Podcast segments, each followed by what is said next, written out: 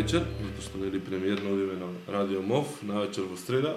Го започнуваме вториот подкаст на комуникација.нет.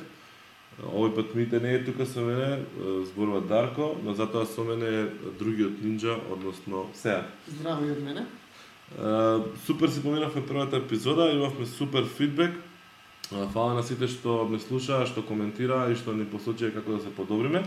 Дел од работите, еве уште сега ќе ги примениме, зборуваме на еден микрофон, не на два различни, но се уште зборуваме во нашето импровизирано студио, така наречено канцеларија, но наскоро ќе го промениме и тоа.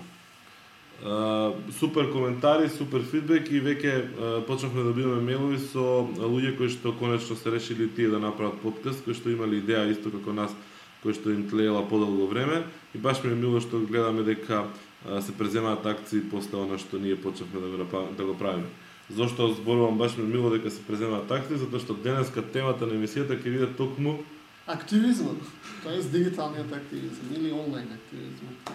Да, ќе зборуваме за неколку различни феномени, ќе спомнеме фотељата, малце телевизијата, што значи дигитален активизам, некои можеби локални или глобални примери, а, и секако тука а, главниот збор ќе го ќе го води сега од вестите, денес решивме да дадеме само со една вест која што е директно поврзана со темата, затоа што нели за малку со времето минатиот пат, а рековме нели се обидеме да се стесниме во 30 минути, па затоа само една вест, вест која што е директно поврзана со активизам, именно пред неколку дена, поточно на 24 март, беше денот кога глобално се одбележа една многу нова манифестација, односно се